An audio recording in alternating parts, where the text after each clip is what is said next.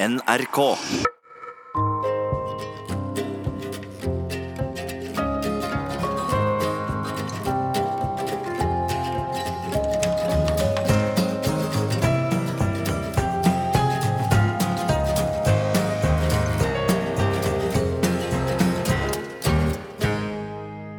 Hei. Jeg skal fortelle historien om en sti jeg har laget. Det er en sykkel- og vandresti langs en elv. Denne elven er ikke av de største, men er likevel berømt i hele verden. Den heter Tiberelven, og da vet alle at vi befinner oss i den evige stad Roma. Jeg har oppkalt stien etter Pier Paolo Pasolini. Han var en av de største kunstnerne og intellektuelle i Italia i moderne tid en slags Italias svar på Bjørneboe og vel så det. De var også omtrent jevngamle. I dagens Sommer i P2 vil jeg fortelle om hva som er årsaken til at jeg har laget denne stien, og hvorfor jeg har oppkalt den etter Pasolini. Jeg heter Sven Otto Skien. Jeg er født av helnorske foreldre og oppvokst i Norge. Likevel kan jeg litt spøkefullt si at jeg anser meg selv som en statsløs, eller som man sier på italiensk, apolide. Det kommer fra det greske ordet for polis, som betyr stat eller bystat, med en a foran som står for uten, slik som for eksempel i amoralsk.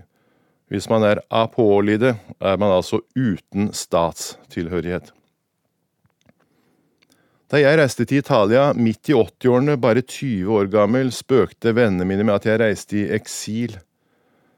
Italienerne på sin side synes ofte det er ubegripelig at en som kommer fra Norge, et land italienere ser på som et av de beste i verden, kan slå seg ned her. Men det gjorde jeg altså, og jeg har siden bodd her. Noe av det som har preget mitt liv i disse 30 årene i Roma, er at jeg alltid har syklet.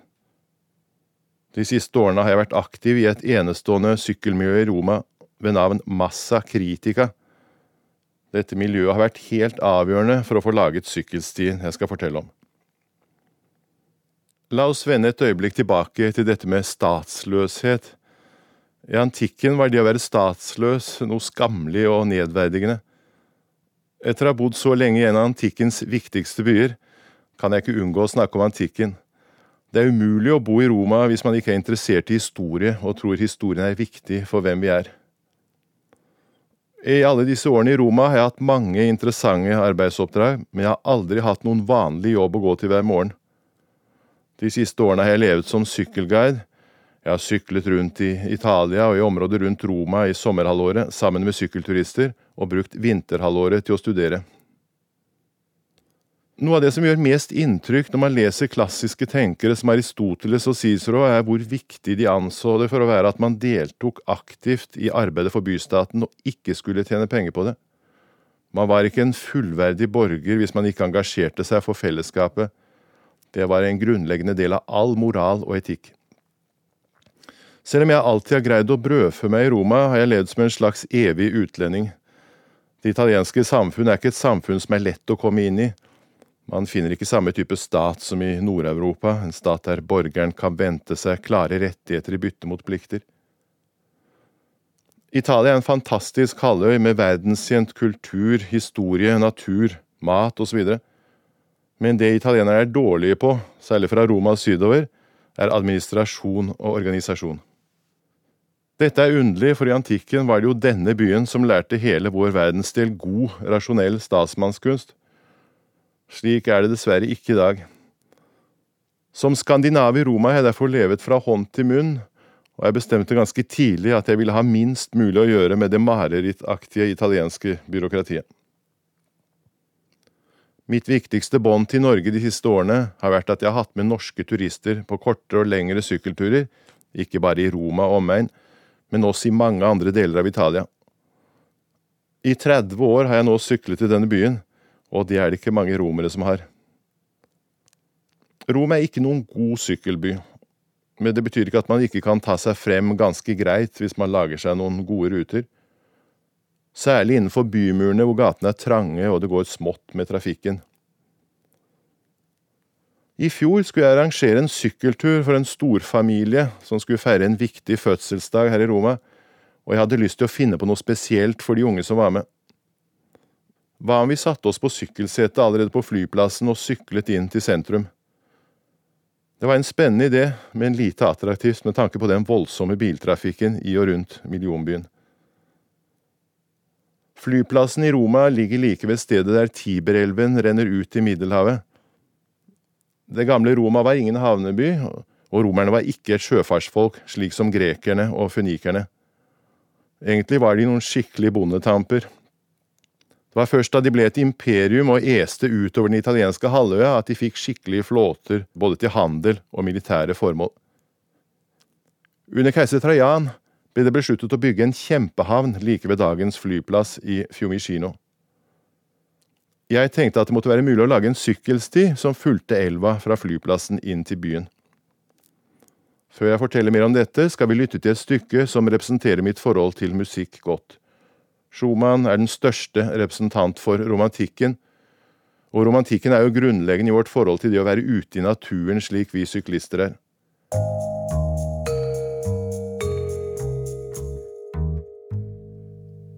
Du hører på Sommer i P2. Jeg heter Sven Otto Skien. Jeg er bosatt i Roma, der jeg blant annet jobber som sykkelguide, og i denne timen skal jeg fortelle om en helt spesiell sykkelsti. Rett før musikken fortalte jeg om mitt ønske om å kunne sykle fra flyplassen ute ved havet og inn til Roma by med en liten gruppe turister. Som sagt lander flyene like ved Tiberens utløp, og ettersom man deretter skal et par mil inn i landet, så burde det være mulig å sykle oppstrøms langs elvebredden. I en storby med en elv er det jo vanlig at det er gang- og sykkelstier langs begge breddene. Sånn er det imidlertid ikke i Roma. Siden faren for oversvømmelse har vært stor opp gjennom århundrene, er det bygget diker langs elven helt ut i havet. Med årene er dikene blitt svært overgrodde og ligger der ganske uforstyrret og forlatt. Det meste av landskapet ble riktignok vernet med en naturpark for flere tiår siden, men den eksisterer egentlig bare på papiret og er dårlig tilrettelagt for friluftsliv. Under planleggingen av sykkelturen skjønte jeg raskt at jeg ville møte kilometer med kratt, rørskog og tistler. Her må jeg få skyte inn at i tillegg til musikk har også litteratur vært en av mine hovedinteresser, etter at jeg forlot Norge, fortsatte jeg å ta mine litteratureksamener på Universitetet i Oslo. Sammen med italiensk litteratur studerte jeg den italienske forfatteren Pasolini svært inngående. Han er i Norge mest kjent som filmregissør, men skrev også dikt og romaner og en serie samfunnskritiske avisartikler. Som Jens Bjørneboe var Pasolini en rebell og en svært sammensatt figur, som kom på kant med mange ledende krefter i det konservative italienske samfunnet. Jeg skrev min hovedoppgave om Pasolinis sterke samfunnsengasjement. Da jeg reiste fra Norge som 21-åring, var jeg selv en samfunnsengasjert ung mann, men det var vanskelig å engasjere seg i et så komplisert samfunnssystem som det italienske. På 90-tallet kom jeg inn i en aktivistisk sykkelbevegelse som vi kalte Massa Critica, kritisk masse, Sykkelgruppen møttes på et avtalt sted en fredag i måneden for å ta over byen og holde biltrafikken unna med syklene våre. Slik gjenerobret vi Romas veier fra den hemningsløse biltrafikken. Bilførerne ble selvfølgelig veldig opphisset disse ettermiddagene, men selv om bevegelsen har holdt det gående i mange år, har det ikke ført til mange nye sykkelstier. Jeg fortalte sykkelvennene mine fra Massa kritika om planen om å lage en ny sykkelsti. Jeg tenkte at hvis jeg bare fikk åpnet en liten forbindelse mellom områdene ute ved flyplassen og Roma by, fem–seks kilometer med no man's land, kunne vi faktisk sykle bilfritt helt inn til bykjernen. Og nettopp her ble litteraturen en inspirasjonskilde. Til å begynne med tenkte jeg mer på den norske litteraturen med sin naturromantikk og nybrottsånd. Jeg har tidligere undervist i norsk språk og litteratur på Romas universitet, så da jeg begynte å si til mine romerske sykkelvenner at vi måtte åpne denne overgrodde strekningen på Tiberdiken, hadde jeg Hamsun i tankene, og romantitler som På gjengrodde stier, Markens grøde og Pan. Vi dro ut i villniset med enkle redskaper og ryddet en sti med stor fysisk innsats. Jeg syntes derfor det var rimelig å kalle denne første stibiten min, som ble mitt svennestykke, for Hamsunstien. På denne stien tok jeg med familien som skulle feire jubileum, og lot dem få sykle på elsykler helt inn til Roma. Litt etter litt ble stien enda finere, og vi lærte romerske syklister å sykle ut i havet istedenfor å sette seg i bilene sine. Etter hvert ble vi også kjent med folk fra områdene der ute som ville inn til Roma.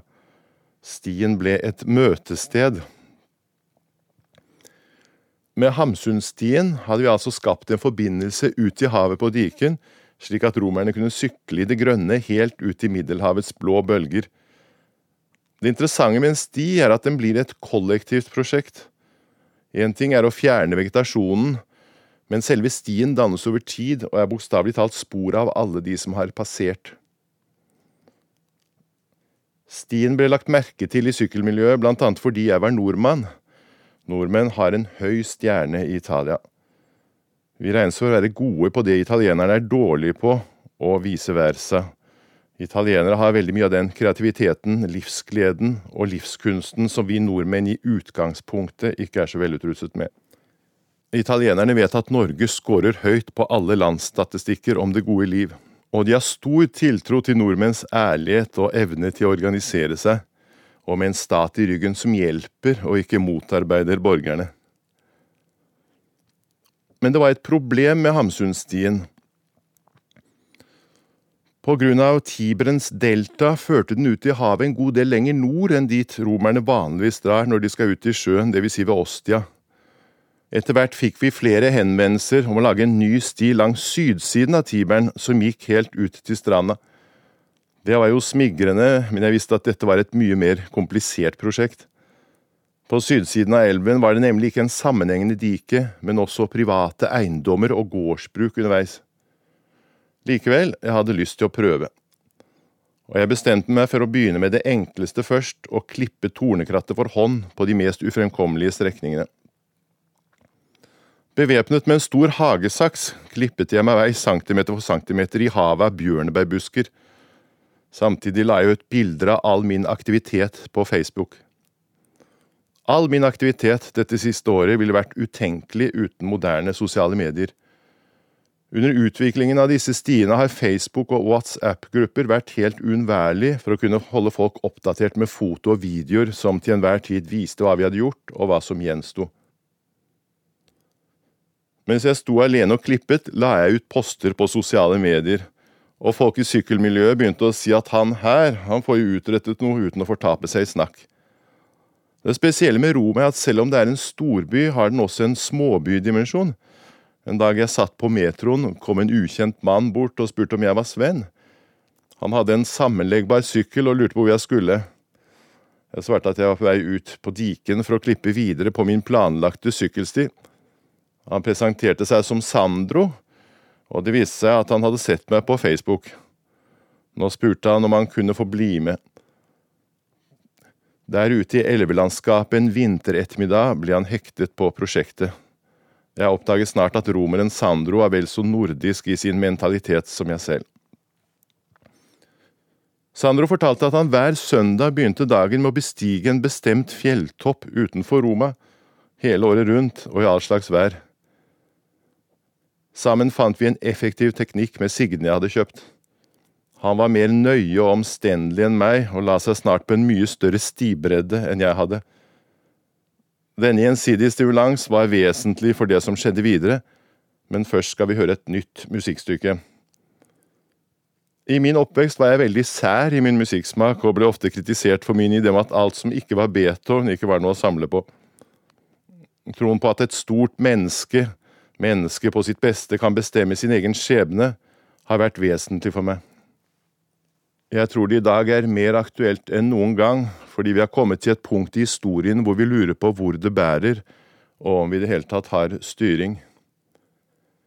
Beethoven representerer det fremvoksende borgerskapet som har spilt en så viktig rolle i historien vår, det dynamiske borgerskapet som bygget de moderne nasjonalstatene. Noe av det viktigste med kunsten er at den makter å gi form til en flyktig og kaotisk virkelighet. Kunst er noe av det mest gjennomarbeidet og velutførte som fins. Slikt har vi skrikende behov for i dag. Man ser det kanskje klarere enn noe annet sted i Roma, hvor vi finner mange av historiens ypperste kunstverk, men der infrastrukturen er nær kollaps. Veiene er fulle av hull, det ligger søppel overalt, biltrafikken er anarkistisk, og det virker som man har mistet kompassretningen.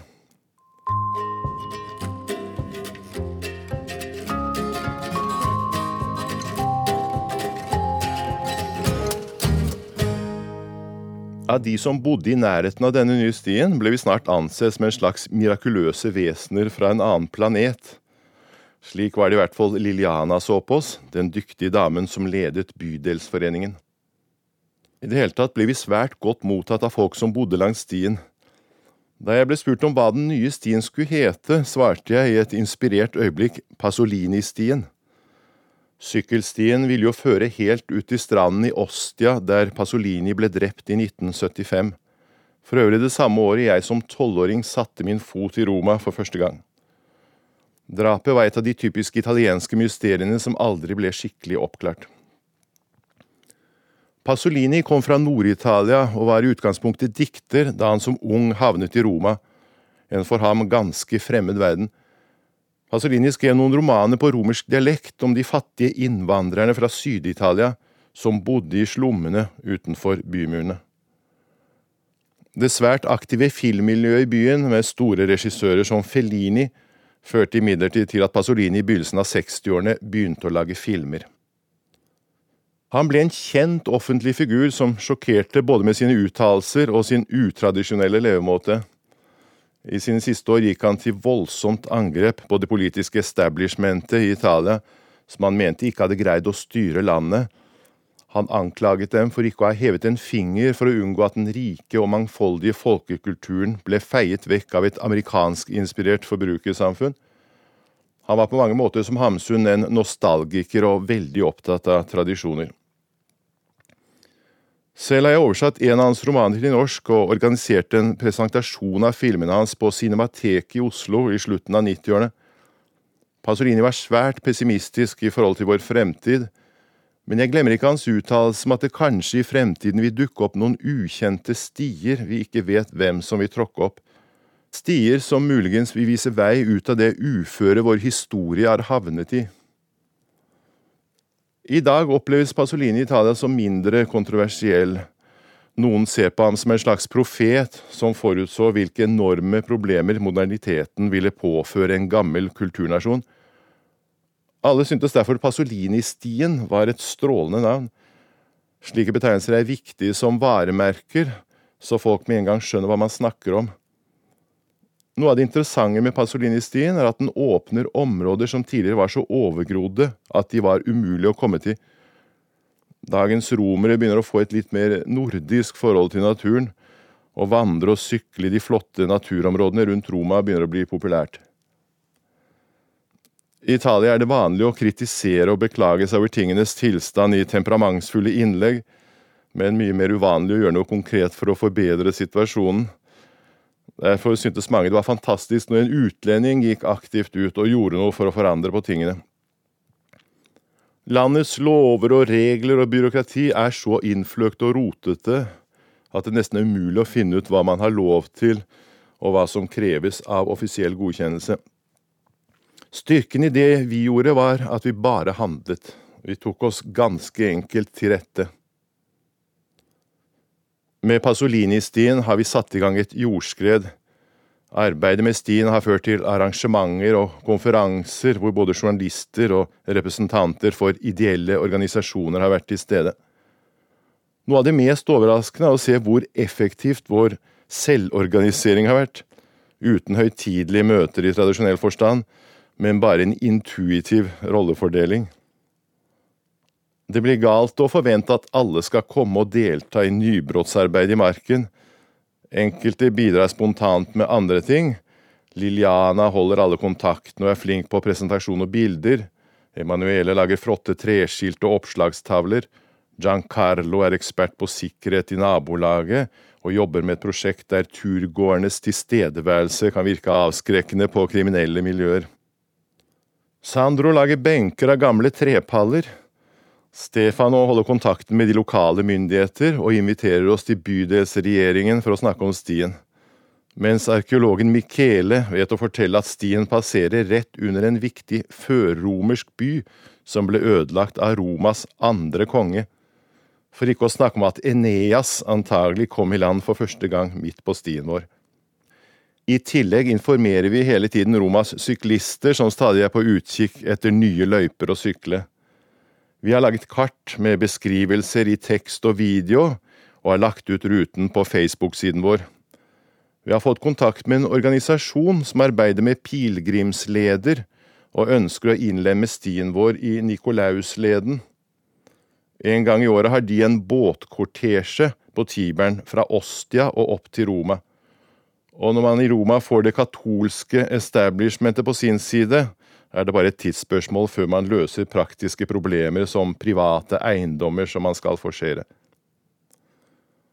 Vi har til og med gjenoppdaget et gammelt vakttårn fra middelalderen som holder på å rase sammen, og som vi håper å få restaurert innen rimelig tid. Å jobbe ute med ljå og saks i duskende regnvær eller kokende hete kan få en til å undre seg hva er det til syvende og sist vi vil oppnå med å lage en sti. Til dette er det mange svar. Jeg undrer meg for det første over meg selv, fra jeg etter en nølende begynnelse fikk blod på tann, og konstaterte hvor behagelig det var å streve litt ute i naturen som hver eneste gang fortonte seg helt forskjellig. Det er en god del nostalgi i dette, for jeg husker jo denne typen sjauing i naturen fra min norske barndom. Det å være midt ute i naturen bare noen kilometer fra millionbyen Roma, full immersion i det grønne langs Tiberelven, høre fuglesangen og se svømmefuglene flakse nede på vannet, og kanskje iblant få øye på en rev. Dette er jo spesielt attraktivt når man bor i en storby uten hage eller egnet uteplass. I tillegg kommer det sosiale ved å delta på et prosjekt hvor man drar lasset sammen og stimulerer hverandre gjensidig. Noen ganger har vi bare lyst til å nyte vår egen sti og sykle den sammen med venner og bekjente. Det meningsfulle ved å vite at man gjør noe for fellesskapet, og sist, men ikke minst, at man føler plutselig tilhørighet, nesten et eierforhold til det man lager. Jeg har fått et nytt forhold til byen jeg bor i, jeg føler meg mer som en borger av byen. Plutselig er jeg blitt det de gamle filosofene betegnet som en aktiv deltaker i polis. I sykkelgruppene på Facebook diskuteres det hvor tilrettelagt sykkelrutene i og rundt Roma bør være. Mange tar for gitt at en sykkelsti må være asfaltert. Jo mindre de koster, jo mindre tjener selvfølgelig de mer eller mindre korrupte entreprenørene på sykkelinfrastrukturene. Samtidig er det jo slik at hvis sykkelturistene kommer, vil de bringe med seg fortjeneste helt ut til de mest avsidesliggende stedene. Og sykkelturister foretrekker ofte mindre uasfalterte sykkelveier i det grønne. Et stort problem i Roma er daglig vedlikehold. Her er vår ambisjon å vise oss som dyktigere enn myndighetene, så elendige som de er til å trimme vegetasjonen langs de eksisterende asfalterte sykkelveiene. Gresset vokser voldsomt her i Syden, og vi som har investert mye prestisje i dette prosjektet, føler oss forpliktet til å holde stien åpen hele året. Vi diskuterer stadig hvilke hjelpemidler vi skal bruke. Skal vi være økologiske, et slags naturlig treningsstudio på å jobbe med tradisjonelle redskaper? Eller skal vi satse på å bli litt større og mer motoriserte, med de problemer det fører med seg av planlegging, organisasjon, oppbevaring og transport av maskinene? Hittil har vi stort sett brukt hagesakser og sigder som kunne pakkes bort i plastsekker langs stien, slik at den enkelte av oss kunne dra ut og jobbe på stien når han hadde lyst, eller legge inn en klippesesjon på sykkelturen. Da er vi kommet frem til det punkt hvor jeg vil avrunde mine betraktninger rundt Pasolini-stien. Stien har på en måte ført meg tilbake til og inn igjen i dette problematiske samfunnet Italia er et land der du kan være i mange år og leve som evig turist. Du kan ta deg herlige turer, se på flott kunst, spise god mat, lese masse interessant litteratur og generelt vandre rundt i historien og kulturen. Men Italia er også et samfunn hvor det lever samtidsmennesker, og disse samtidsmenneskene er ofte misfornøyde med en tilværelse hvor stat og individ går dårlig overens. Jeg har brukt store deler av mitt liv på å studere historie, filosofi, psykologi og moderne vitenskap, og forsøkt å forstå hvordan og hvorfor historien på et visst tidspunkt ser ut til å ha sporet av. Roma er kanskje det beste stedet å observere dette. Det er en enorm frustrasjon blant folk og et inderlig ønske om å kunne gjøre noe konkret, men stor tvil om hvordan man kan bidra. Mange hemmer seg i ideen av hvor lite det jeg kan bidra med, betyr for de enorme globale utfordringene vi står overfor. Antagelig er man nødt til å være nøktern når man forsøker å gjøre noe med tingenes tilstand. Når man går inn i et slikt konkret og begrenset prosjekt som denne stien, begynner man å tenke rent praktisk på det man skal gjøre fra gang til gang, og på de nye utfordringene som stadig dukker opp. Løsningene melder seg bokstavelig talt mens man vandrer fremover på den. Det har vært interessant å se hvilken fortrolighet som oppstår mellom mennesker jeg ikke kjente fra før. Dette at man faktisk spontant og umiddelbart bare vet hva man skal gjøre, og dermed frigjør det som vår venninne Liliana kaller positiv energi. Med et fellesprosjekt greier vi å sette fri viljen til handling. Det er forunderlig å se hvor mye tid disse personene, som i motsetning til meg er i faste jobber, kan avse til stiprosjektet vårt. Dersom vi skaper et lite idealsamfunn rundt en felles sak på tvers av tradisjonelle politiske skillelinjer. De nye sosiale mediene gjør det mulig for oss å holde ikke bare daglig kontakt, men fra time til time og minutt til minutt. Dette viser hvordan kategorier vi tar for gitt, slik som staten, kanskje må tenkes på nytt fordi den er i krise mange steder i verden. Kanskje må vi innse at staten slik vi kjenner den ikke er i stand til å svare effektivt på utfordringene vi står overfor. Jeg tror det eneste som kan redde oss, er en radikal entusiasme som springer ut fra den desperate situasjonen vi er i. Hvis den gode energien får spre seg, og hvis menneskene greier å komme til bevissthet om at de er de eneste som faktisk kan redde seg selv og verden, kan det muligens komme en forløsning. Og for å avslutte med en forsonende og samstemmende musikk, har jeg valgt et stykke av en komponist som jeg ikke hørte så mye på da jeg var ung, men som jeg har fått et stadig sterkere forhold til i voksen alder. Han var i jødisk familie og er et eksempel på betydningen jødisk kultur har hatt i utviklingen av våre europeiske samfunn. Denne Mendelssohn-symfonien bærer preg av hans store religiøsitet og vitner om den store fremtidstroen jødene alltid har næret.